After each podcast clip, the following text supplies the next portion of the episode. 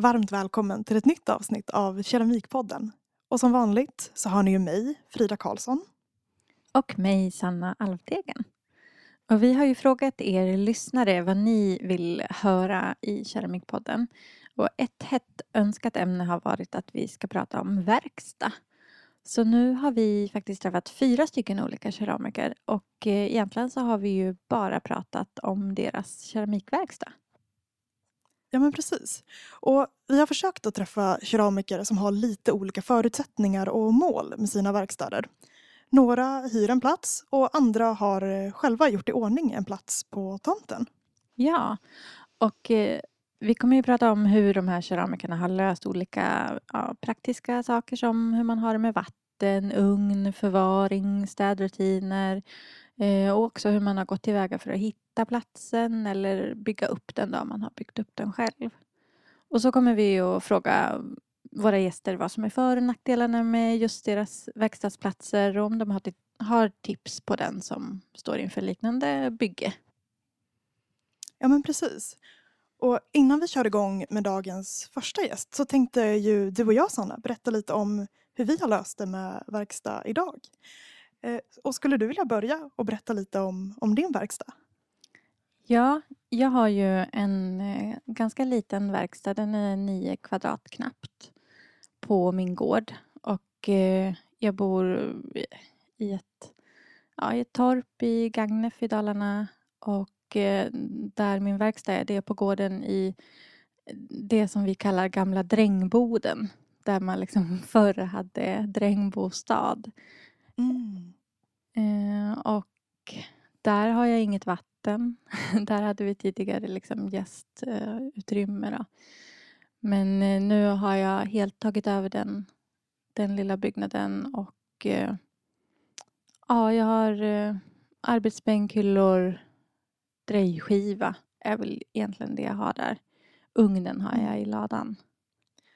Och det här utrymmet som du är i nu, var det liksom din, din tanke från början när ni flyttade in i torpet att det så småningom skulle bli en verkstad? Nej, det var det inte. För när vi köpte den här gården för fem sex år sedan så höll jag faktiskt inte på med keramik. Jag gick väl kanske någon kvällskurs så. Eh, och sen har jag väl alltid tänkt att den, den platsen, alltså sen när jag började kika på var kan jag vara så trodde jag nog att det både skulle vara för lite litet efter att ha gått på folkhögskola och haft alla utrymmen som finns där.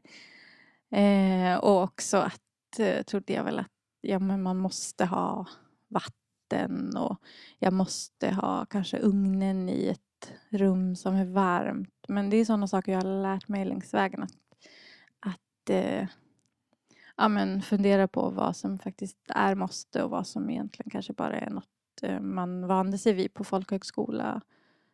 Det, det går faktiskt att lösa ändå.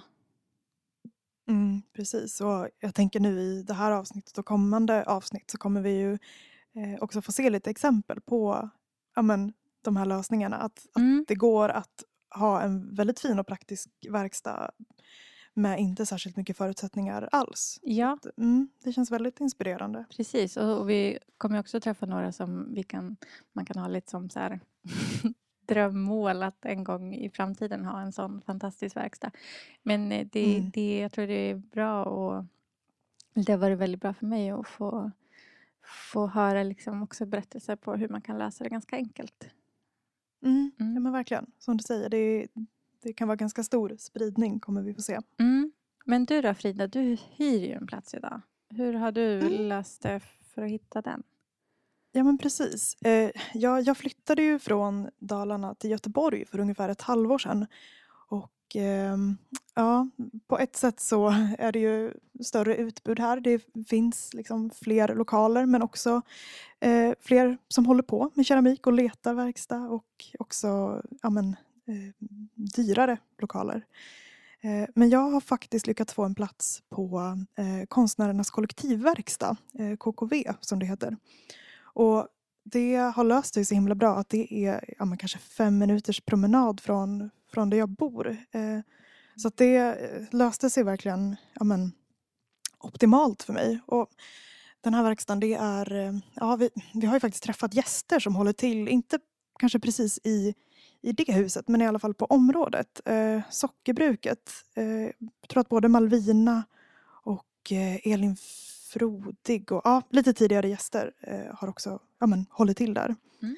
Eh, det är en gammal industri så det är en jättepampig byggnad. En, ja, den tonar upp sig som en borg eh, nere på, på klippan här. Eh, så det är väldigt vacker utsikt utöver Älvsborgsbron. Det är eh, kollektivverkstaden är på femte våningen. Så att, eh, mm, det, det är väldigt fint. Um, och ja, så att det, jag sökte lite olika mm, verkstadsplatser. Jag liksom tittade på ja, men om, om det kom ut någonting på här, keramik i fokus och kollade i olika Facebookgrupper och, och hörde av mig till, eh, till en del eh, ja, men ställen egentligen. Eh, men, men skickade ju då bland annat in en ansökan till eh, KKV och eh, sen efter några månader efter att de hade ja, men haft eh, styrelsemöte eller sådär så, så fick jag reda på att jag fick vara med. Så, mm. så det, det har löst sig jättebra faktiskt. Mm. Så där är jag nu. Ja, och, och där har du liksom du flyttade dit med dina keramikverktyg och så. Eh, eller, eller vad finns liksom där att låna? Mm, det finns ju ugnar och jag tänker vi som har gått på Leksand vi är ganska glada för att det finns en gasugn också. Så det är både, både elugnar och jag tror att det är två gasugnar om jag inte missminner mig nu. Eh, och så finns det ju drejskivor eh, att låna och, och lite sådär eh, basic verktyg eller liksom lite eh, skålar och, och svampar och så. Mm. Men, men resten har jag tagit dit själv. Ehm, men det är inte så mycket förvaring. Jag har eh, köat för att få en liten hylla nu som jag mm. fyllde eh, direkt. Ehm, och resten står i vårt gästrum som ja, tyvärr inte fungerar som gästrum längre. Mm. så, men, men det finns liksom det, det man behöver verkligen. Mm. Ja, det är lite kul att du och jag har, eh, men vi har hamnat på varsin eh, sida av det här eh, hur man kan göra antingen bygga upp det själv eller hyra. Så mm. det passar ju ganska bra att, eh, att vi också kan dela med oss lite av våra erfarenheter eh, i det här avsnittet. Ja men verkligen. Ja. ja. Det känns eh, som att vi båda kan, kan relatera också till, till de som vi kommer träffa sådär. Att man, det är ganska mycket som jag tror att vi båda kan känna igen oss i. Mm. Sådär. Mm. Verkligen. Mm. Men um, vi kommer ju återkomma lite under det här avsnittet med våra egna erfarenheter. Uh, men vi kan väl köra igång med första gästen, eller? Ja, ja men det tycker jag. Absolut. Uh. Och först ut är ju Emma Persdotter som eh, du träffade Sanna. Ska vi lyssna lite på hur, eh, hur det lät? Så, då sitter jag i Plintsberg mellan Leksand och eh, Rättvik tillsammans med Emma Persdotter. Hej Emma! Hej! Vad roligt att du vill vara med i vår podd. Ja, kul att jag får vara med. Ja, och jag tänkte kan inte du börja med att berätta lite kort vem du är och vad för keramik som du gör? Mm. Jag tror att den där frågan vem jag är, den kan vi hoppa över. Det är för svårt att svara på. Jag tar vad jag gör istället. Ja, men gör så. Jag bor som sagt i Plinsberg, Tällberg. Eh, har en verkstad här på gården. Och eh, jag gör mest bruksföremål. Alltså allt koppar, skålar, allt sånt som man använder. Någon liten skulptur ibland kanske. Om jag får lust. Mm. Men det är mest bruks. Och vart är det som du har din verkstad där du jobbar med leran? Det är eh, i ett gammalt stall. Ett före detta stall. Eh, så jag har en av hästboxarna där. Mm. Kanske tre gånger tre meter mm. eller något sånt. Och sen är resten av stallet eh, så här snickarbord och vävstuga och lite sånt. Hur länge är det som du har haft din verkstad här? Eh, i, alltså jag tror typ tre år mm. kanske. Tre år sedan jag började bygga upp lite smått. Så. Och så har du hållit på att bygga lite under året och ändra lite under åren. Mm. mm. Eh, och eh, hur, hur gick det till när du hittade platsen för, ver för verkstad? Liksom, var det något du letade efter eller var det något som föll sig naturligt? Ja, Eh, Jag, träffade, jag hade turen att träffa en kille som eh, vars föräldrar har en jättefin gård här. Eh, så vi flyttade hit. Vi hyr ett litet hus på gården av dem. Så bor de i huset bredvid och sen så hade de det här stallet. Så då blev det bara så att jag fick eh, ta ett hörn där. Och in, börja inreda verkstad. Jag vet inte om det var jag som frågade dem eller de som frågade mig men det var bara, det bara blev så. Och visst är det så att du har läst keramik eh, på Leksands folkhögskola tidigare så att du Mm. hade liksom ehm, du, hade, du hade då en tanke att ja, men någon gång vill jag ha egen verkstad? Ja. Jag gick där 2013-2014. Mm. Så det är ju ett tag sedan. Men jag tänkte redan sen innan det, när jag gick på min första ABF-kurs, så visst, eller det var så här, ja men det här ska jag jobba med. Det var liksom planen att det här, Mm. det här blir det. Har du haft någon verkstad innan den här verkstaden? Nej, det har jag inte. Nej. Det är min första. Det är din första. Vi har ju innan vi började spela in här så fick jag kika in hos dig i din eh, i, din, i ditt stall eller i din box. Ja. Ehm, Men för våra lyssnare, hur, hur eh, kan du beskriva hur det ser ut där, hur stort det är och vad som finns? Det är, eh, ja som sagt, typ tre gånger tre meter, lite mindre än det. Så det är ju inte stort. Eh, Det finns ett litet, litet fönster så det, det är ganska mörkt. Men eh, jag har försökt inreda det så optimalt som möjligt och verkligen maxa både förvaring och yta och allting. Så jag har ett gammalt fint skåp, en gammal köksinredning från typ 30-talet som knådbord och förvaring för lera och sånt där. Och sen en annan liten gammal diskbänk som jag har byggt ihop eh, som en hylla där jag kan ha hinkar med glasyrer och sånt där. Mycket arbetsyta, drejskiva, eh, billiga hyllor från Ikea som jag har som ja, men då ställer saker jag drejar på och sånt där. Byggt ett någon slags fuktskåp av en sån enkel hylla också, bara häfta på plast. Mm. Sen har jag ett kavlingsbord som står ja, lite utanför, lite längre bort i stallet. Det fick inte plats i, min, i mitt lilla hörn. Eh, och vatten har jag inte i min verkstad, men det finns lite längre bort i stallet också. Och ja, det är väl det. Är väl det. Vad tycker du är det bästa med att ha verkstad just här? Ja, dels att det är att det är hemma hos mig. Att jag liksom, Mm. man, att det är hemma. Man behöver inte gå någonstans, åka någonstans utan det är alltid här. Mm. Man kan alltid gå ner och vända på någonting eller skära av någonting eller så vad som helst. Eh, stoppa om dem för natten typ. Men eh, ja, och att det är ju alltså det är gratis. Jag betalar ingenting. Vi betalar hyra och i den lilla hyran så ingår den ytan också. Jag betalar bara el till ugnen. Ja. Så det ja, kan inte bli billigare. Mm. Så det är nice. Mm. Finns det några nackdelar med att ha verkstad så som du har det? Det är jävligt litet. det finns liksom ingen plats för att utöka och Nej. så. Det är ju väldigt begränsat. Mm. Eh, ja, det är väl det. Annars finns det ju inte egentligen några nackdelar. Och då tänkte jag fråga, hur har du löst det med ugn? Vart har du den? Ja, eh, den har jag ute i fårhuset. Ja. så den är liksom ja, den är ju under tak och det är tak och väggar och så men den står ju kallt liksom. Just det. Och ute, ja den bor med fåren Mm. helt enkelt. Är det en elugn som du har? Ja, där är det. Ja. En vanlig sån här rund toppmatad. Just det. Och hur gick du tillväga när du skulle eh, införskaffa den? Eh, jag köpte en ny Mm. ugn. Det är så att jag har ingen aning, alltså jag kan ingenting om ugnar. Man kan ju sätta en ugn och så- alltså, alltså bränna grejer och så men man vet ju inte. Och köpa en gammal ugn, Mm. det verkar lite för komplicerat. Så jag frågade min kompis Lisa Hellrup Mm. eh, vad hon hade köpt för ugn. Mm. Sen tog jag likadant som henne. Ja.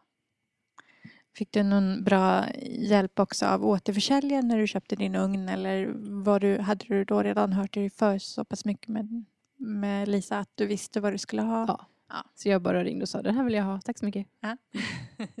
Hur snabbt var den på plats hemma hos dig? Eh, Ja, jag kommer inte ihåg, det är ju några år sedan nu. Det är typ tre år sedan, så Mm. jag minns inte. Men det gick för snabbt. Mm. Eller tog väl några veckor kanske, jag vet inte.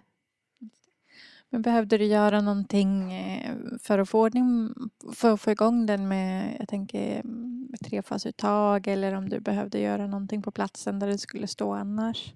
Eh, vi satte dit några alltså här betongstenar, alltså såna här trädgårds... Vad heter det? Trädgårdsplattor. Ja, precis.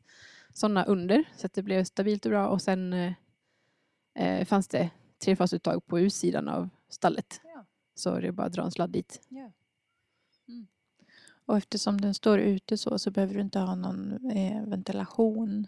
Utan då ventilerar det ändå. Ja, precis. Det är så stort. Alltså det, är ett, det är ett gammalt ridhus och det är jättestort. Så det är, Mm. finns ju ingen risk att det blir dålig luft eller vad man ska säga. Eller Mm. blir för varmt för den eller någonting. Utan det är ju helt öppet så. Ja.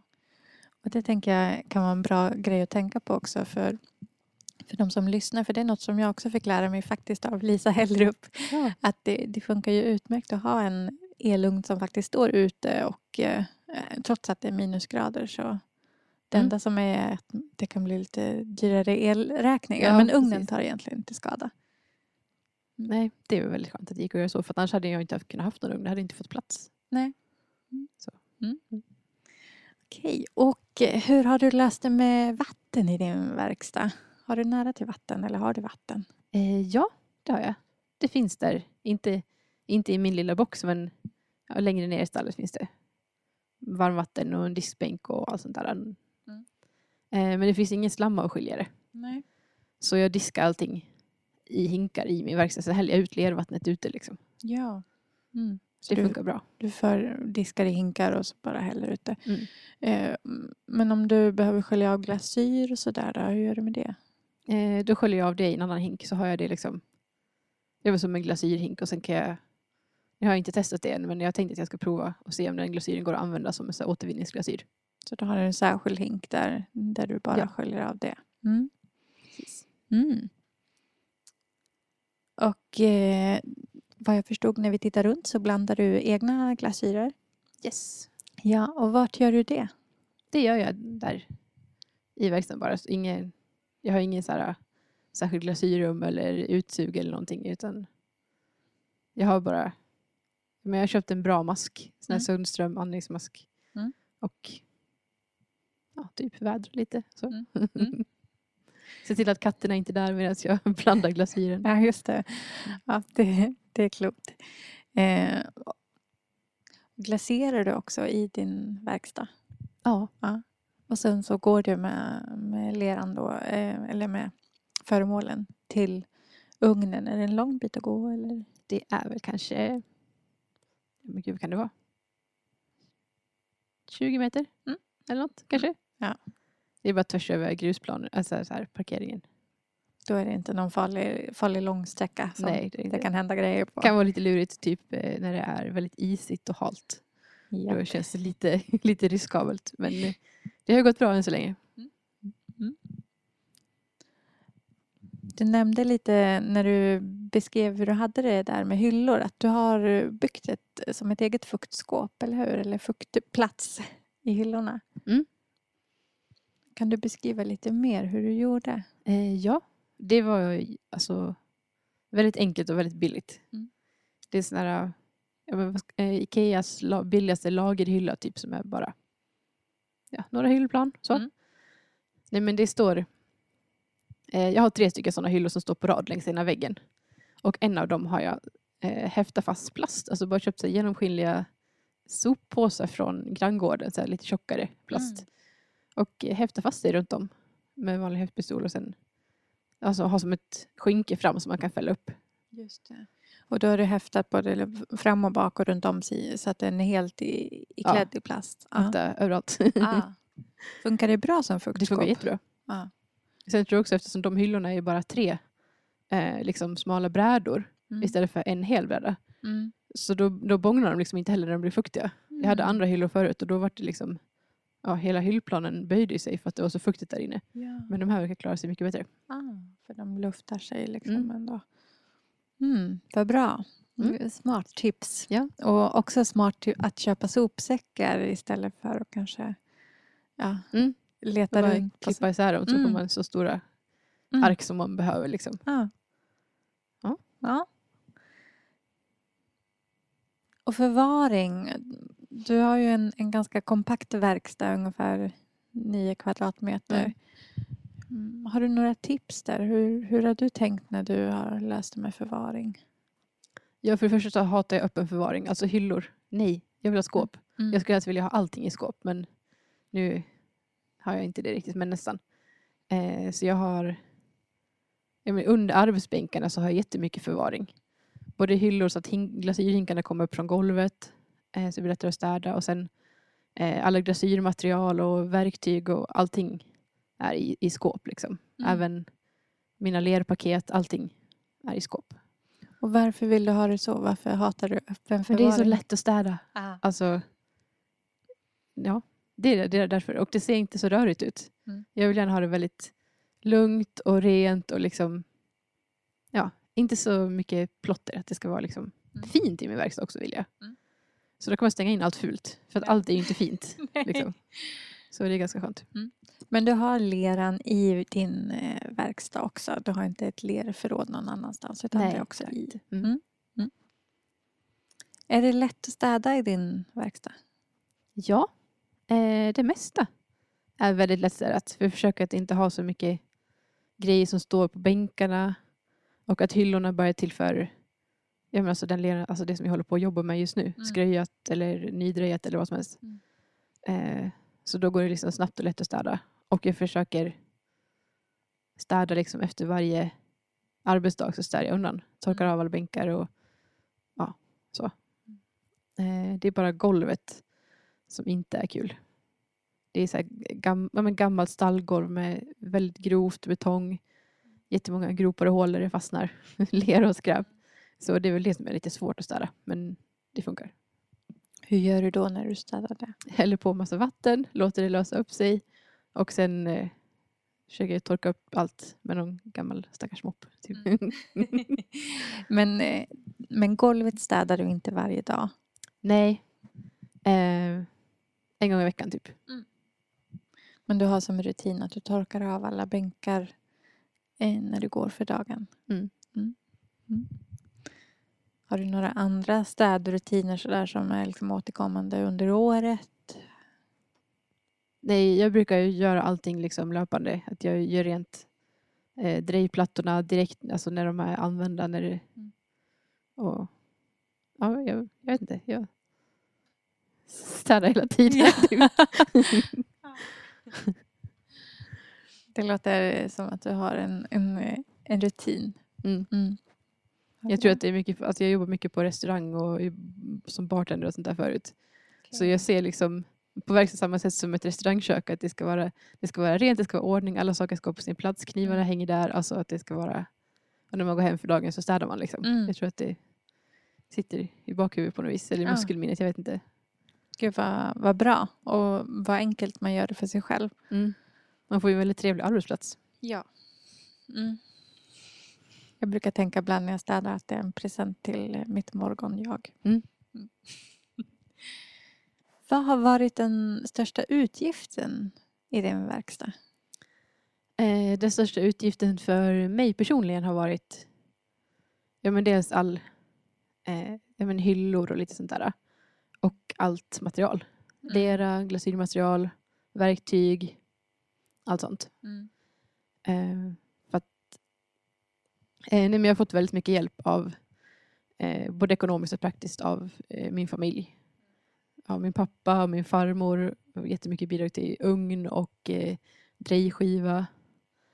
Så ja, jag har inte betalat så mycket själv. Mm. känner mig väldigt bortskämd och det känns extremt lyxigt.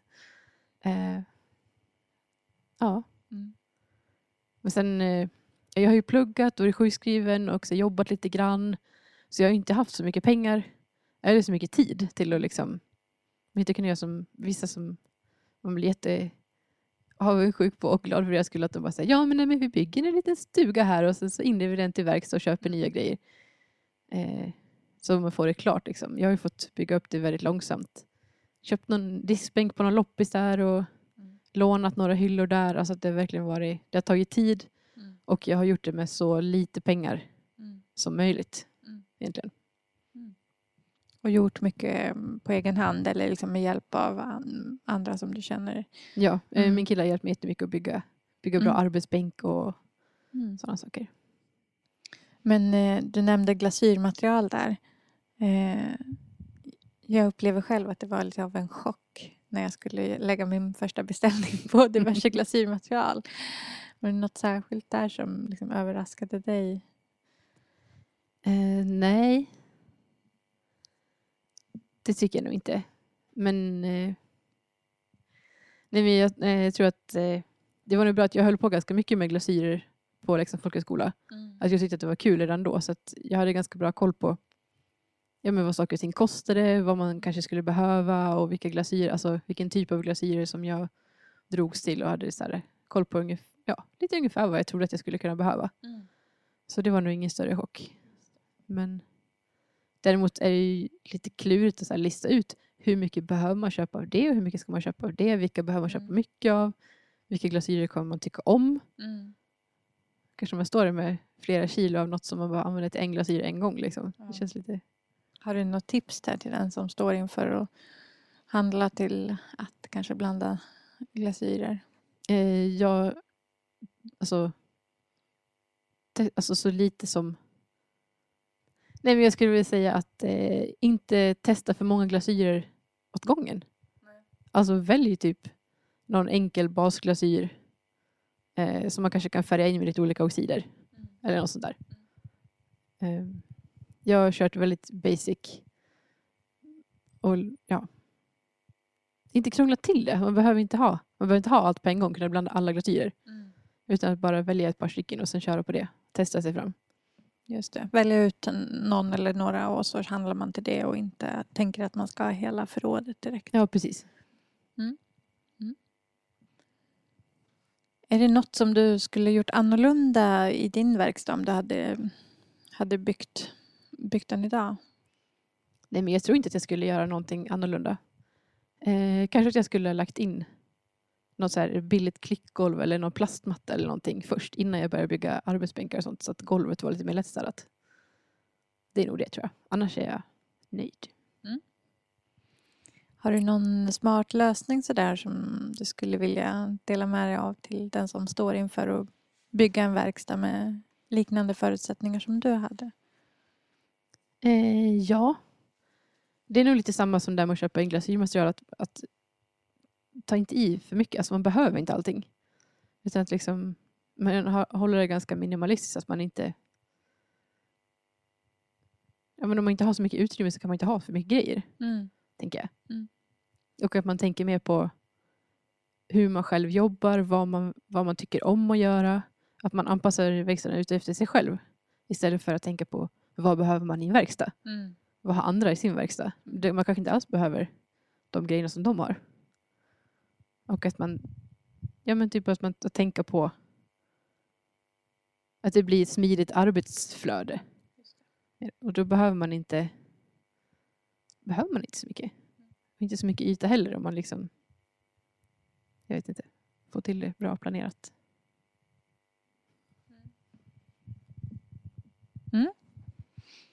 Ja, en grej Mm. som är typ det smartaste. Ja. Att stå och dreja. Berätta. Det skulle jag rekommendera alla som inte har testat det. Eh, dels så, så här, man sparar utrymme, man behöver ingen stol. Och man får inte ont i ryggen. Jag kan, alltså jag kan inte sitta och dreja. Jag fattar inte. Hur kunde jag gjort det? Alltså de tre åren, nej, två. Hur jag kan ha gjort det de två åren på Leksands folkhögskola. Alltså jag hade problem med ryggen hela tiden. Men eh, när jag köpte, nu när jag fick min egen verkstad och köpte min första drejskiva. Så jag ställde upp den direkt på några så här, block med leka. Mm. Lekablock. Ja, Ja, på några lekablock. Ja. Eh, och det funkar hur bra som helst. Och sen har du ju gjort något där med pedalen. Att den är jag ställt bredvid så att jag trycker alltså med handen istället för foten. Så det är en handmanövrerad pedal som står på någon så här rullvagn från Ikea bara. Så att du slipper hålla på med foten. Utan, Mm. och du sa till mig att, ja, men, att du byter ställning lite grann. Alltså, ibland kan du sätta upp eh, en fot på lekablocket. Ja. Sådär. Eh, Ja men det blir en helt annat, alltså det blir mer dynamiskt sätt att jobba. Att man, Mm. att man rör ju på sig hela tiden. Och man, så här, man kan lätt bara ställa bort den här drejade skålen på hyllan där och Mm. hämta en ny svamp där eller vad man nu behöver. Så det är liksom mycket mer flexibelt. Och mycket bättre för ryggen. Mm. Jag ska definitivt prova det här. Mm. Vad är du mest nöjd med i din verkstad? Mest nöjd med det är nog att jag har sjukt mycket bänkyta för en så litet utrymme. Mm. Vad kan det vara? Fyra meter bänkyta eller något sånt där. Mm. Det är nice. Och, eh, har du någon bild sådär av en, av en annan verkstad, en drömverkstad i framtiden? Eh, en drömverkstad. Det är stor och ljus, högt i tak, stora fönster, blankt golv som är superlätt att städa. eh, ett eget rum till ugnen så att ugnen kan bo inomhus. Vore nice. Ja, men det tror jag. Mycket utrymme, mycket ljus. Vore skönt. Mm. Och avslutningsvis så tar vi lite, lite korta frågor. Mm. Vem eller vad får inte komma in i din verkstad? Vem eller vad? Vilda katter som hoppar på grejer eller folk som petar på saker. Nej, jag vet inte. Jag tror att jag tror att det mesta är nog välkommet. Jag kan inte komma på någonting särskilt så. Finns det något eh, verktyg som du inte kan vara utan? Ja, jag har några, några olika så små pinnar Mm. i olika former som är jättebra till allt möjligt. Och, och kniv. Kniv. Mm. En, eh, någon särskild kniv? Eh, nej, men någon. Vad som helst. En kniv som man kan skära lera och skära upp lerpaketen med och Mm. ja, men allt sånt. Fin, eh, vad har du för favoritmoment i skapandet med lera? Den här frågan är ju typ den svåraste. För att allting är kul. Jag tycker det är kul att glasera, blanda glasyrer, deja. Nej men jag tycker typ allt är kul. Mm. Men, eh, ja, men öppna en ugn. En, en glasyr, öppna glasyrugnen, det är ju det roligaste. Och vad tycker du minst om att göra det? Är det ingenting? jag tänkte först att det finns ingenting som är det värsta. Men sen kom jag på knåda lera. Alltså jag hatar att knåda lera. Det är så tråkigt. Jag gör inte det. Alltså så lite som möjligt. Det funkar ändå. Mm. Om du tar den direkt från paketet. Ja. Mm. Lyssnar du på någonting i verkstaden? Mm, mest poddar och ljudböcker. Mm. Väldigt mycket ljudböcker och väldigt mycket poddar. Mm. Mm. Ibland musik, men inte så ofta. Om man vill eh, veta mer om dig och den keramik som du gör, vart kan man då eh, hitta eller se eh, det som du har gjort? Jag finns på Instagram och Facebook. Mm. Eh, Clay and Soul Studio heter det. där. Mm. Det är ja, mitt företag, min butik heter så. Ja, Eh, och sen har jag en butik här i Tällberg också, i Tällbergs stationshus. just det. Så där Och kan där, också hitta mig och min keramik. ja, där säljer du både keramik och lite second hand-kläder, eller hur? Mm. Ja. Precis. Och du kommer ha öppet från påsken. Ja, jag öppnar igen eh, påskhelgen. Mm. Och sen har jag öppet resten av säsongen, resten av året. Ja, och visst är det så att man kan skriva direkt till dig också om det är så att man är nyfiken på någonting. Ja, det kan man absolut göra. Okej, och sist så undrar vi, vem tycker du att vi ska prata med i Keramikpodden? Det finns ju hur många som helst som skulle vara jättekul att höra. Men jag kommer liksom inte på någon särskild så. Men eh, jag tycker jättemycket om era frågeavsnitt med Stefan. Det tycker jag är jättekul när folk får skriva in frågor. Så jag tycker fler sådana. Fler Mm. frågeavsnitt med Stefan Andersson. Yes. Ja, bra. Mm. Tusen tack för att du ville vara med i Keramikpodden och dela med dig av dina erfarenheter med att bygga verkstad. Det var så lite så. Tack. Tack så mycket.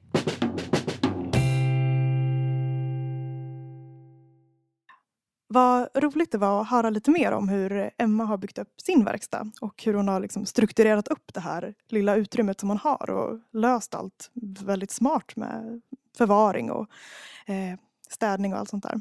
Och visst är hennes verkstad ganska likt din i storleksarna? Ja, det är den ju. Och jag har faktiskt använt mig lite av Emma inför när jag skulle bygga upp mitt. Och hört av mig till henne och frågat henne lite om grejer. Så hon har ju bland annat lärt Mm. mig det här med att försök att inte ha saker på golvet och eh, stänga in eh, saker för att slippa lerdamm. Jag har inte lyckats lika bra som hon har gjort. Eh, Men det är ett, ett tips för den som står inför att bygga en verkstad att kanske höra av sig till någon som är sådär, eh, något år före en själv som har, har liksom gjort några eh, bo, lärt, liksom både lärt sig bra grejer och, och vad man inte ska göra eh, ja, men för, för att kanske inte behöva göra samma misstag Mm. igen. Så. Ehm, ja, och hon har ju precis som jag eh, pratat med Lisa Hellrup som har fått lära sig via Håkan Bilander, en keramiker här i trakten, att man kan faktiskt ha sin elugn ute. Ehm, för det var något som jag trodde att man inte kunde när jag byggde upp min verkstad. Men man kan faktiskt ha den i minusgrader. Ehm, det enda Okej. att tänka på är att, att det inte ska stå fuktigt. Eh, för, för det kan ju skada ugnen då. Men, eh, och att det blir mycket dyrare och elräkning om man väljer att köra ugnen liksom när det är 15 minus så man kanske får vänta tills det är lite Ja, varmare. såklart. Mm. Just det. Eh, Men jättebra eh, råd och tips verkligen. Jag hade också nog inte reflekterat över att det faktiskt går att, att ha ugnen i ett sånt kallutrymme. Mm. Mm. Men eh, återigen, din verkstad Sanna. Vad tycker du liksom är det, det bästa och det sämsta med verkstaden du har? Ja, men det bästa är ju mm, som jag tror de flesta med verkstad på gården tycker att det är närheten. Just att leran är ett sånt material som, som man, man behöver följa processen. Är det, vissa dagar kanske man tror att man kan beskicka efter sex timmar men sen så var det väldigt fuktigt i luften så att det gick inte alls den dagen. Och då är det skönt att kunna gå ut och titta till. Eh, ska, borde jag beskicka det här i, i, redan ikväll eller ska jag plasta Mm. om det så att det klarar sig över natten? Det är absolut det bästa. Eh, det sämsta, om jag ska säga det också, ja, det tycker jag. det är ju att jag också blir en någon slags eh, byggarbetare. Alltså jag är ju inte bara keramiker. Jag är ju också Nej. golvläggare. Jag är den som ska kontakta elektriker och eh, jag är den som ska måla och kitta ett fönster inför vintern. Alltså jag, jag är ju Mm. allt. Precis, det som jag slipper vara i, i mångt och mycket i alla fall. Precis. Ja. Mm. Och, och med det kommer ju både liksom att tid tas från att hålla på med leran men det är ju också pengar som går till att liksom Ja, jag hade en, en, en situation här nu i vintras när vi fick 25 minus och jag insåg att saker jag har liksom nära golvet fryser och där hade jag lera. Ehm, Ah, så att jag, och, och det var ju också att det var inte roligt att vara i verkstaden när man liksom satt i ullunderställ och i dunväst.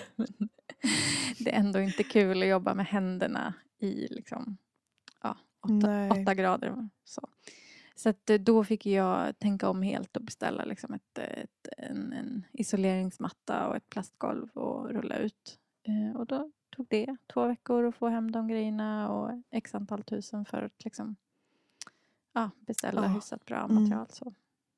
Mm. Okej. Ja, jag tänk, frös leran? Eh, hann den göra det? Den du hade? Lite grann. Ja, måste man... Jag har lite dålig koll. Eh, måste man liksom torka den och slamma om den eller hur? Den kan skikta sig på något vis va? Ja, men jag tror att det egentligen så behöver det bara... Som tur var så var det här lera som jag bygger med och då tror jag inte det är någon större fara. Eller jag har inte, upp, Okej. inte upplevt Mm. någon fara. Men om Ja, du ja, det var ett litet sidspår. Men... Ja, jo men ehm, det, det, det som, som jag har förstått händer är att du kan behöva, alltså att du behöver knåda om den ordentligt. mm, Eh, okej. Men vissa uppskattar ju till och med att den fryser. Mhm. Eh, för man får lite annan, eh, ja men man får bearbeta om den på något vis. Ja, ja, men, Så den är inte förstörd. Nej, okej. Tack. Men eh, nästa gäst som vi tänkte lyssna på, det är ju någon som du känner till ganska väl, eller hur? Livia Tors. Ja, ja men det stämmer. Ehm, vi har eh, lite gemensamma kompisar faktiskt eh, från början. Och jag har haft en tradition när jag bodde i Dalarna att jag åkte runt på en, en konstrunda eh, kring Sätertrakten sådär runt påsk. Och då eh, var Livia ett av stoppen. Eh, när hon sålde sin keramik och sålde sitt fika. För hon är också konditor som vi kommer få höra lite om. Mm. Eh, men sen så slutade det med att jag, vad blir det, var det för, ja, eh, nu i somras eh, hyrde in mig i hennes verkstad. För hon har ju verkligen byggt upp en ganska stor verkstad. Och mm, det ska vi få höra, höra mer om eh, eh, alldeles strax då. Ja, men vi kan väl direkt kasta oss in och lyssna på så får hon berätta själv hur det är. Då sitter jag i Ornäs tillsammans med Livia Tors. Hej Livia! Hej Sanna! Vad roligt att jag fick komma hit och kika runt. Ja, Jättekul att du ville komma. Ja, och kan inte du berätta, vi börjar med att du får berätta för lyssnarna, hur, vart är vi nu och hur ser det ut här? Ja, vi är ju i Ornäs, mitt emellan Falun och Borlänge ungefär. Eh, vi sitter och spelar in i min butik Mm. som sitter ihop med min verkstad. Eh, det är, eh, ja, ett ganska gammalt hus med originalgolv från när det var en ICA-butik. Jaha. Och verkstaden är väl ungefär 100 kvadrat. Mm. Och vi sitter i lilla butiken som är runt en 20 kvadrat. Just det. Och det är ju en stor verkstad. Det, Ja, Den är rätt verkligen. rejäl tycker jag. Ja. Vi kan gå in på det lite senare, att, att det är också så att man kan hyra in sig här. Mm. Men om vi börjar med att du också får berätta för lyssnarna, vem är du och vad gör du för typ av keramiska föremål? Ja, vem, vem är jag? Eh, ja, jag heter som sagt Livia. Mm, jag eh, började med keramik 2011. Mm. Eh, jag hade hållit på med lera någon enstaka gång innan, pysslat lite hemma. Eh, jag var i 20-årsåldern och ville göra någonting nytt. Och sen såg jag att det fanns i Nässjö, Småland, en folkhögskola som heter Sörängens. Som hade en keramisk grundutbildning. Som inte krävde något inträdesprov. Ja. Det räckte med ett personligt brev. Ja. Eh, för inträdesprov är ju lite läskigt. ja. Eh, så jag sökte och kom in. Eh, hade tänkt att det skulle vara ett år. För den är egentligen ett år, men man kan gå flera påbyggnadsår. Ganska snabbt blev ett år tre år. Mm. Eh, och efter det har jag fortsatt med keramiken. Eh, främst drejar jag bruksföremål. Eh, koppar och kannor. Mm. Jag håller också på lite med raku och gör mindre skulpturer. Mm. Och jag gör min keramik här i verkstaden i Ornäs. Jag har också en del kurser här, ett par stycken i veckan. Mm. Och då är det främst drejkurser. ja. Mm. Just det. Och hur länge är det du har hållit till i den här lokalen? Eh, till hösten blir det tre år. Mm, just det. Och du började ju berätta lite hur det såg ut här, ungefär 100 kvadratmeter Ja. verkstad. Och där är det inte bara du som jobbar. Nej, jag hyr ut verkstadsplatser. Eh, och i nuläget är det nog 35 personer som hyr in sig här. Och eh, kommer och går lite omlott. De är inte här samtidigt allihopa. Nej. Eh, men ja, det finns eh, 12 drejskivor. Mm. En del knådbord, en lerkran och tre ugnar. Så det kan vara fullt ös här ibland. Ja. Och, och du jobbar också härifrån när du jobbar med Ja, jag sitter bland dem och jobbar i verkstaden. Ah. Och, och då har du, vad jag har förstått så har du så att man kan hyra in sig att man är här bara någon enstaka gång eller så kan man vara här ja, flera gånger i månaden. Ja, antingen kan man hyra per timme, att man kommer enstaka timmar. Eh, eller så har man som ett, ett abonnemang, att man hyr varje månad ett visst antal gånger. Och är alla med och, och sätter ugn och sådär eller gör du den, de Eh, bitarna? vissa sätter ugn, alla får vara med och lära sig om de vill. Eh, men det är väldigt mycket att tänka på när man är ny Mm. i lerans värld. Mm. Eh, så det är jag och tre till som sätter ugn nu. Och jag såg när vi tittar runt här så har du ju sådana här pedagogiska sk- skyltar på hyllplanen att här sätter man skröjat och här är sånt som, som ska bli skröjbränt. Och, Ja, alltså det är bra med lappar eh, och uppmärkt. Och när man är så pass många som 35, det blir lätt kaos annars. ja. Så det behöver liksom, ja, det är ett rullande system. Det som ska till skröj och det som ska till glasyr. Mm, Mm. mm. Och dessutom har du ju de som kommer hit och går kurs Ja, som kanske är väldigt nya på leran. ja, Mm. det är det. Ehm, hur gick det till när du hittade den här verkstadsplatsen?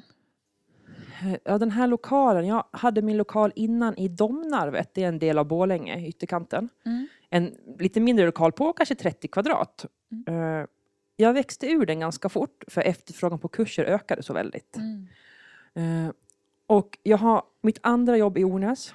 Jag jobbar som konditor när jag inte jobbar med leran. Eh, Och det var ju lite skönt att ha jobben nära till varandra. Att lätt kunna gå emellan. Eh, Och Ornäs är ju naturskönt. Mm.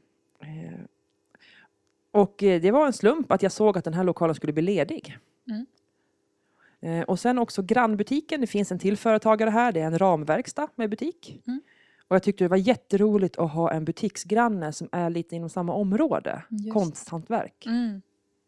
Och är det här en lokal som du hyr då eller som du har köpt? Jag hyr den. Du hyr den. Hur gick du tillväga då när du skulle inreda den här gamla ICA-butikslokalen till keramikverkstad? Ja, eh, jag hade lite jag hade bråttom för jag skulle vara ute ur min andra lokal och komma in i den här utan att behöva betala dubbla hyror. Ja. Eh, nu i efterhand skulle jag gjort det lite annorlunda. Då skulle jag inte skyndat in. Mm. Nu var det att jag skulle skynda in med allting fort och sen hade jag satt ett premiär, premiäröppet datum med väldigt, väldigt kort tidsmarginal. Eh, så ja, det var fort upp med allt så det var fungerande. Det var lite så vi gjorde.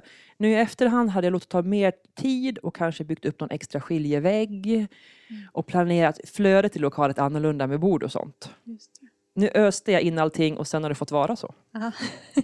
I tre år. fort. Och sen blir det ju små, alltså den lokalen är aldrig färdiginredd. Mm. Hela tiden kommer det upp någon mer hylla. Det är ju det som händer. Mm.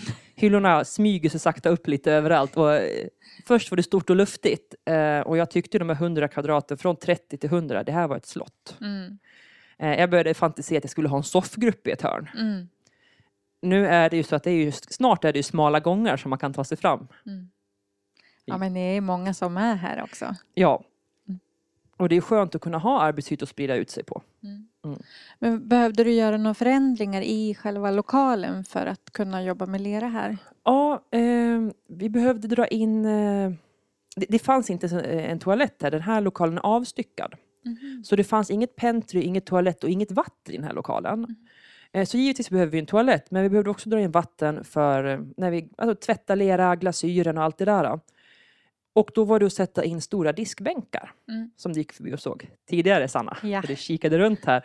Eh, ganska rejäla sådana för att kunna ta hela spillkanten i drejskivan och lägga ner. Mm. Det är, jag skulle säga, det är en stor köksdiskbänk om någon har varit i en restaurang någon gång och kikat. Mm. Mm. Wow. Så det fick man ju göra om och dra in. Eh, sen också elen. Ugnarna kräver lite. Mm. Eh, de här ugnarna är inte jättestora, de är ungefär på 200 liter. Men vi behövde dra in mer el. Och sen var det också det här med att jag har 12 drejskivor, eluttagen. Mm. Man har ju vanligtvis inte eluttag med ett och ett halvt meters mellanrum. Eh, så att det är jättemycket eluttag uppsatta här och de är satta högt upp just för eh, den blöta risken på golvet om man spiller. Så att eluttagen är ju, jag säger en, strax över en meter upp på väggen. Mm. Mm. Det känns ju ändå som att eh, en del grejer hann du ändå verkligen tänka igenom. Jag, jag har ju eh, lyxen eller oturen att bo med en elektriker eh, som har skrämt mig om allt som kan hända. Okej. Just med el och vatten är ju inte bra kompisar. Nej. Eh, och när man bygger upp en verkstad, speciellt när man ska ha kurser och hyra ut, då har man ju ett ansvar över andra att det inte kan bli farligt. Mm. Ja. Ändå en tillgång tänker jag. Att eh, hänga ihop med en elektriker som... Definitivt. Han har Vet. fått laga mycket ugnar gratis åt Ja. mig och eh, andra keramikervänner. Ja, vad bra. Vad tycker du är eh, det bästa med att ha din verkstad här? Eh, här i Ornäs eller i den här lokalen? Både och. Både och. Åh. Ornäs är det som jag sa tidigare, att det är väldigt nära naturen. Sen är det ju tillgängligheten, det ligger mitt emellan Falun och Borlänge. Eh, det går bussar hit, bussplatser precis utanför. Den, den är lätt att ta sig till. Eh, och jag är ju, nu ser ju inte ni, lyssnare det här, men golvet är fantastiskt tycker jag, det här gamla ICA-golvet. Det är nämligen turkosblått, lite mosaik. Mm. Kan, kanske det. Vi ska fota det. Ja, små rutor. Eh, jag älskar golvet. Eh, Vad härligt, det- du bara älskar jag golv. älskar golvet. Jag blir så glad när jag ser det och jag får många kommentarer om det här golvet. Och, eh, jag tycker det är fantastiskt. Och även om jag kan tänka mig göra om mycket i lokalet så kommer golvet stanna. Mm. Och dessutom var lättstädat också. Det är lättstädat. Eh, de här fogarna vi ser här mellan de här små mosaikplattorna ser ut att vara vitgråa. Mm. De är egentligen mörka. Det är en lerbeläggning i hela lokalen. Okej. Ja. Vi återkommer till städrutinerna Yes. snart. Mm. Finns det några nackdelar med att ha verkstad här? Eh, kanske inte att ha verkstaden här, men att ha en liten butik här kan vara en nackdel. Eh, det är ju inte, man passerar inte naturligt här året runt. Mm. Det är väl det enda. Det kommer inte jättemånga besökare hit. Och du har öppet fredagar och lördagar. Ja, fredag och lördag året runt. Mm. Så då är det kanske många som, av de som kommer hit som kommer hit för att de har ett ärende just till dig. Ja, de har kollat upp det i förväg. Mm. Det är inte jättemånga spontana besök på vintertid. Eh, på sommaren så är det, nu när Ösjön och Runn Mm. är väldigt nära, är det en del turister här. På sommaren är det lite mer fart, men på vintern är det då är det sådana som man kanske följer på sociala medier som har hittat hit. Mm. Och du var inne på det att du hyr den här lokalen. Mm. Är, det, är det dyrt? Eller vad kostar det att hyra en lokal så här? Får man säga siffror? Ja, man får säga Man får siffror om man vill. Ja, nej men, ehm, det är också en anledning att jag valde den här lokalen. Eh, det är att hålla på med konsthantverk och keramik, det är kanske inget man blir ekonomiskt rik på. Man kan bli rik på många andra sätt. Eh, att ha en så här stor lokal inne i Borlänge Falun så det kostar jättemycket. Mm. Här i Ornäs är det ju billigare. För det, det räknas inte i som en butikslokal lika attraktivt. Mm. Så att det är billigt med tanke på den stora ytan jag har. Och sen så får du in li- lite pengar då ju, såklart. Ni hjälps ju åt med hyran, de som eh, Ja. hyr in sig här. Mm. Men ändå, eh, när jag kommer in här, jag tänker du behöver ändå ha lagt en hel del pengar eftersom du har 12 drejskivor och sto, tre ugnar har du. Ja, eh, det här har kostat, eh, det har kostat en del. Eh, En hel del kanske. Men jag har också sakta byggt upp det här. Mm. För kanske, det är ungefär kan vara fem år sedan jag började ha ett företag. Mm. Och jag har smugit igång. Jag började med en ugn och en drejskiva i mitt garage. Ja. Det var där vi började för fem år sedan. Och sen har jag sakta byggt upp. Jag har liksom inte köpt allt på en gång. Eh, Och det har varit mycket loppishyllor, vänner och släkt som ska rensa ut gamla bord, ett härligt ihopplock. Jag har inte gått och köpt ny inredning och de flesta drejskivor har jag faktiskt köpt begagnade. Jag har jagat i Blocket annonser och annonsbladet annonser och annonserat efter dem. Mm. Så det är ett ganska roligt ihopplock av drejskivor också. Vi har ju varit inne lite på hur det ser ut här. De här 12 drejskivorna Ja. har vi nämnt. Och Ja. en stor diskbänk. Eh, vad finns det mer här? Det finns arbetsbänkar. Och...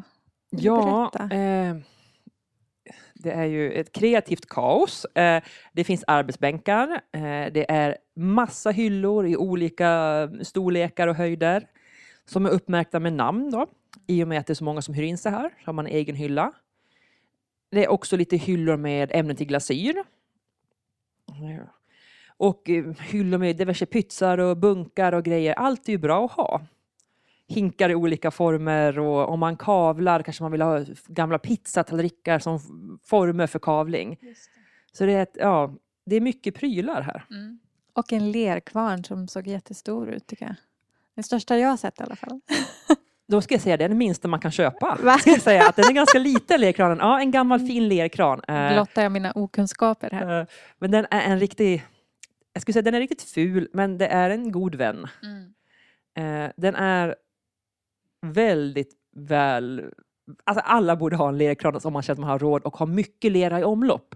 För den här handknådningen, förutom att den är jättetråkig, så är den ju faktiskt inte bra för handlederna. Mm. Om man inte då slår leran. Men knådar man, och här är det ju hundratals kilo lera, då är en lerkran en fantastisk kompis. Men då knådar du inte leran. Nej, och jag, gör, jag knådar ju inte begagnad lera eller återanvänd. Och jag gör ju en sak som det är lite spridda åsikter om. Jag knådar ju inte ny lera heller. Mm. Eh, drejar jag eller gör någonting och tar leran helt ner från ett lerpaket, då bara tar jag den. Mm. Och det går bra. Det går bra. Det är bra Men att det är få... för, förbjudet säger vissa liksom och blir helt förfasade. Men jag skulle säga att man behöver inte knåda den.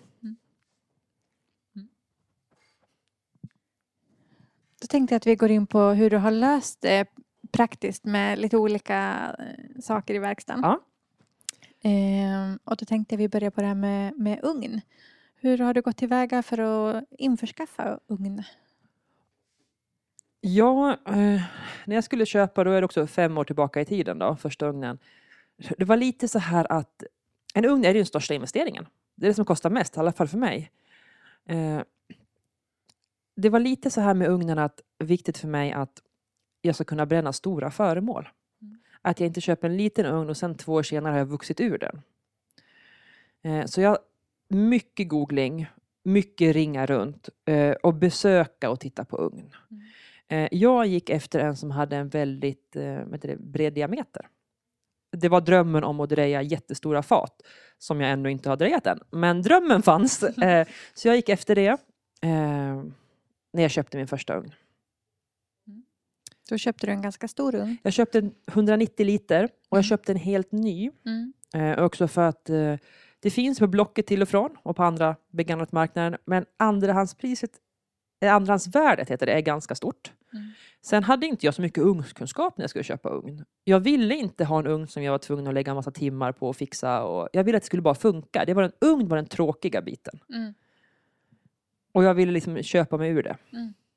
Och de, för nu har du tre ugnar idag. Ja. Har du köpt de nya också? Eh, jag en till jag köpte, det är en till som är också 190 liter men en annan form, en oval ugn, lite ovanlig form. Den har jag också köpt ny. Mm. Sen har jag en liten söting som kanske är 60-70 liter.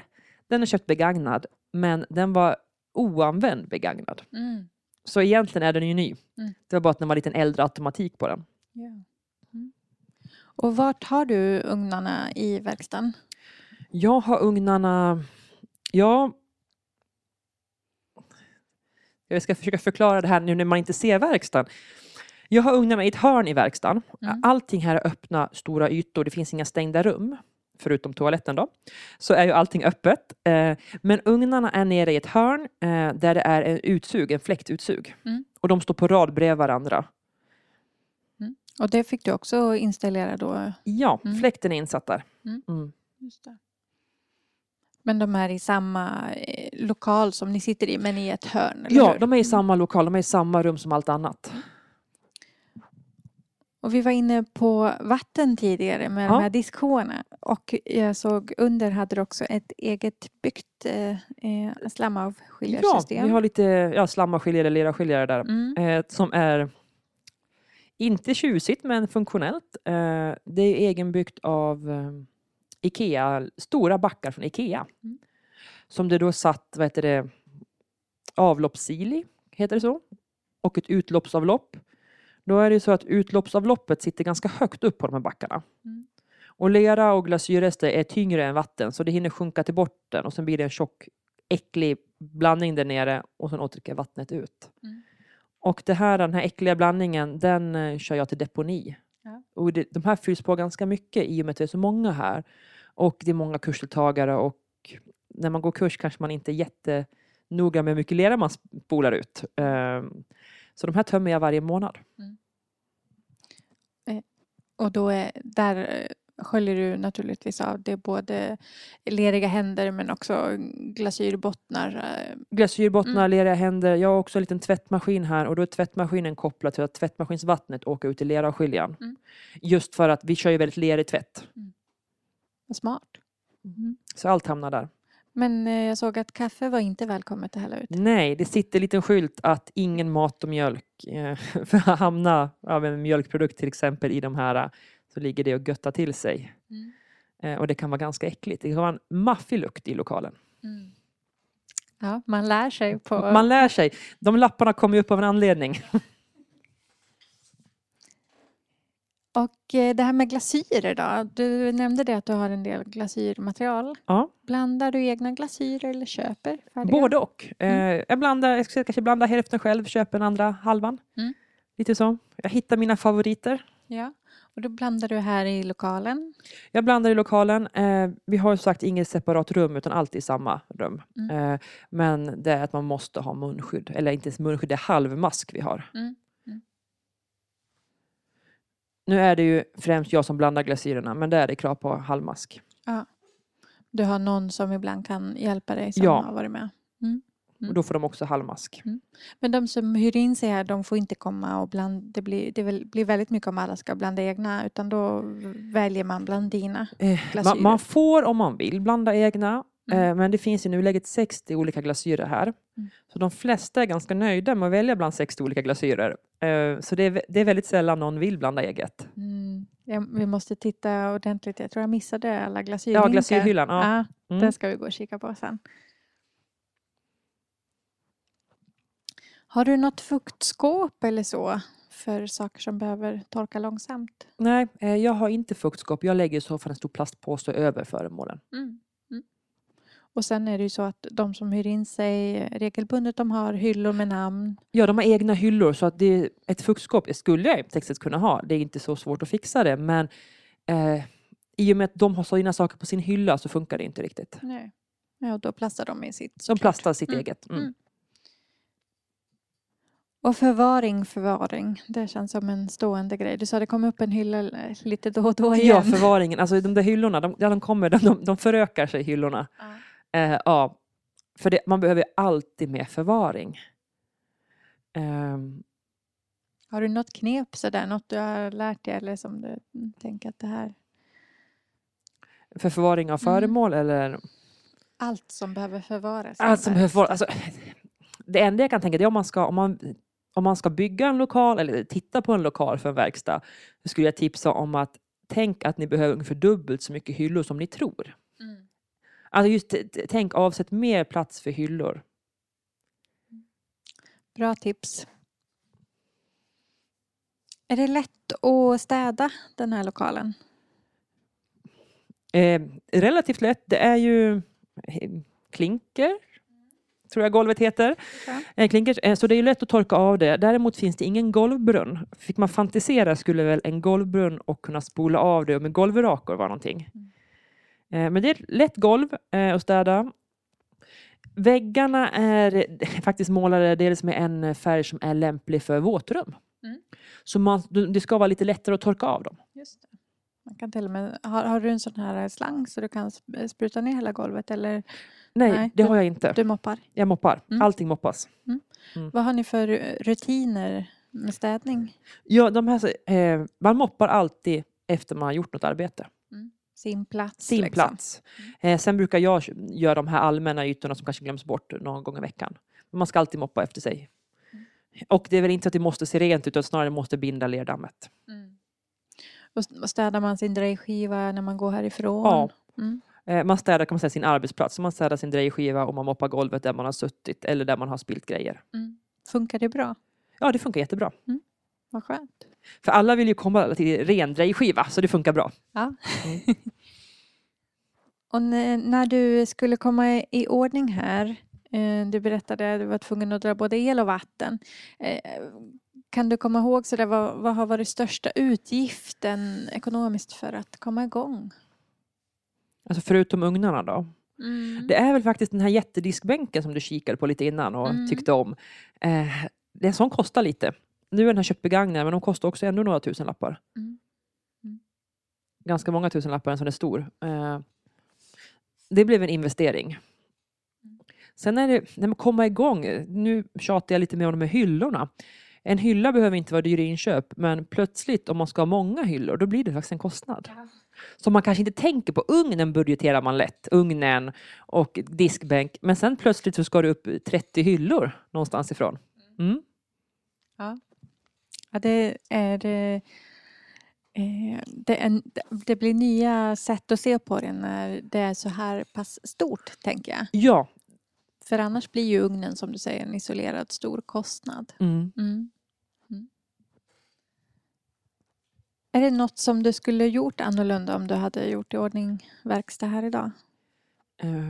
Ja, det var nog det här jag sa tidigare att jag hade nog sett till att jag haft mer tid på mig att inreda lokalen och tänka igenom den.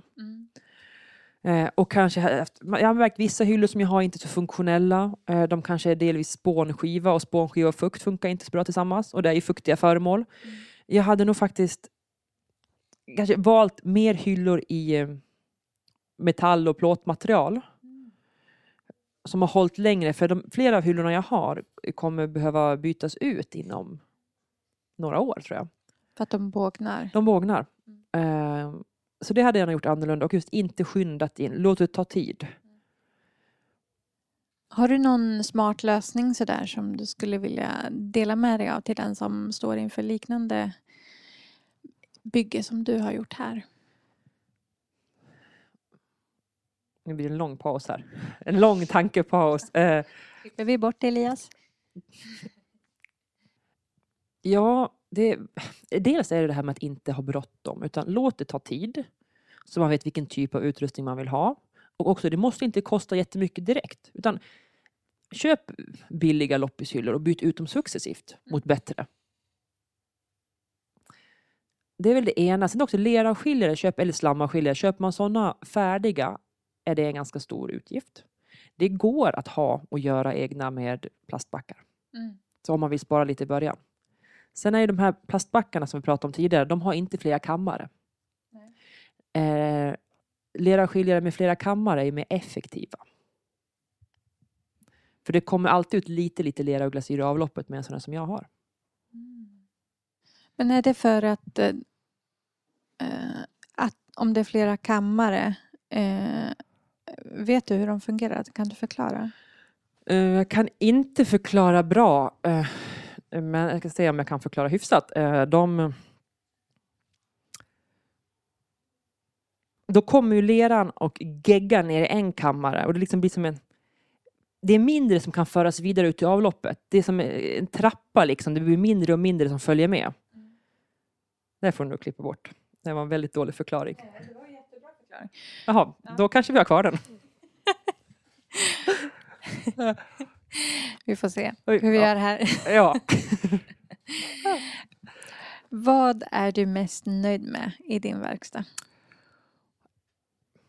Jag vet ju inte om golvet hör till verkstaden, men golvet är ju fantastiskt. Eh, vad är jag mest nöjd med annars? Eh, egentligen är det ju inte... Det jag är mest nöjd med har inte med utrustningen att göra, utan det är med den härliga stämningen. Nu när det är så många hyrare som är här, de här 35 stycken, att det är som att ha kollegor på plats. Mm. Och annars kan ju keramikern vara lite ensamt. Man sitter i sitt uthus, i sin källare, man gör sina grejer och man är själv. Här får jag kollegor att bolla med. Jag har någon att prata med i kaffepausen. Mm. Det blir en jättehärlig gemenskap. Vad fint. Och eh, så undrar jag om det här kanske är din drömverkstad, men om det inte är din drömverkstad, hur ser din drömverkstad då ut? Ja, min drömverkstad skulle vara ännu större. Eh, den skulle ha... Det här är nästan min drömverkstad. Men den skulle faktiskt ha fler rum. Eh, den skulle ha ett separat glasyrrum, ett separat lerförrådsrum utan fönster. För här är det i den här lokalen stora skyltfönster. De är delvis eh, övertäckta med gardiner, men det har faktiskt hänt att leran har möglat för den har hamnat i solljus. Eh, Så jag skulle vilja ha ett separat rum för glasyr, ett separat rum för eh, lera och även ett ugnsrum. Och sen kanske den där soffgruppen i ett hörn skulle vara lite mysig att sitta och dricka kaffe i. En lerig soffgrupp skulle vara Det, det låter som att du får starta en folkhögskola. Ja, det är kanske det som är drömmen egentligen. Ja. Mm. Då tänkte jag, Livia, att vi avslutar med, med lite korta frågor som vi brukar Mm. Ja. alltid ställa till våra gäster. Spännande. Vem eller vad får inte komma in i din verkstad? Lergods. Lergods, det är bara stengods. Här är bara stengods. Mm. Finns det något verktyg som du inte kan vara utan? Eh, miretter, Mm. det är det bästa. Vilket är ditt favoritmoment i skapandet? Med lera? Dreja. Dreja. Mm. Ja. Dreja nytt, inte Dreja nytt. Ja. Mm. Mm. Och vad gillar du minst att göra? Hänkla. Hänkla. Mm. Men du hänklar ändå, jag ser det på Ja, mycket muggar. motvilligt. Ja. Eh, hänkla, jag skulle gärna vilja anställa en hänklare om någon Ja. vill. Drar du hänklarna eller? Eh, jag drar de flesta, ibland använder jag hänkeljärn. Mm. Men jag drar de flesta hänklarna. Lyssnar du på någonting i verkstaden? Det brukar vara en radio på i bakgrunden. Är det någon särskild kanal? Nej, det är det inte.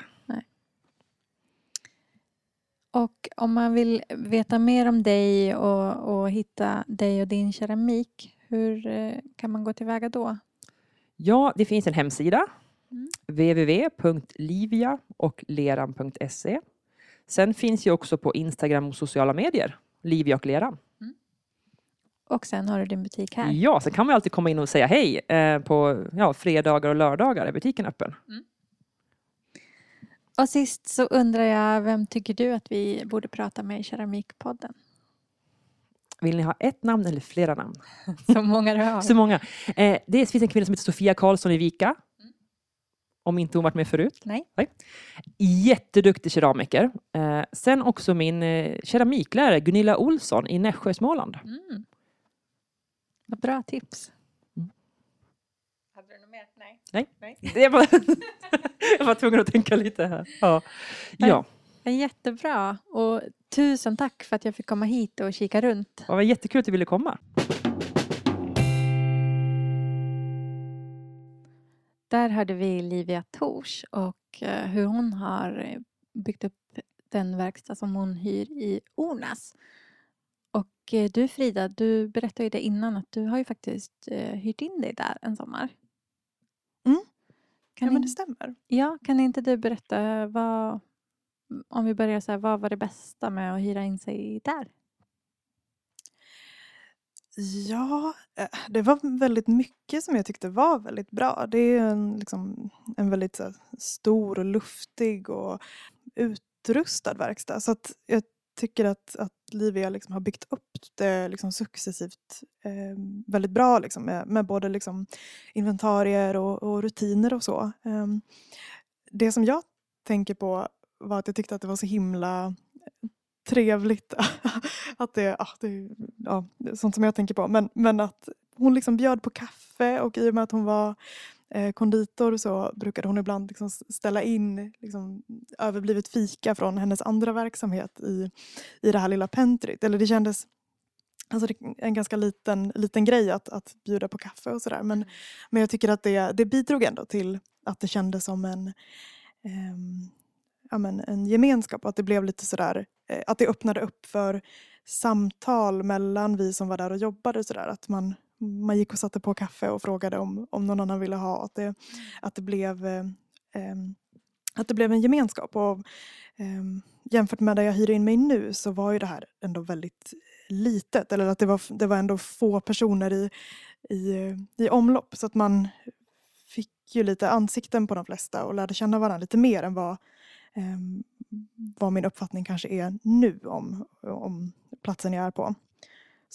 Det tyckte jag var en, en fördel. Ehm, Det låter jättemysigt. att mm, någon så här, kanske kommer och säger att de har satt på kaffe. Det, Mm. det låter mysigt. Och att det kan finnas fikabröd.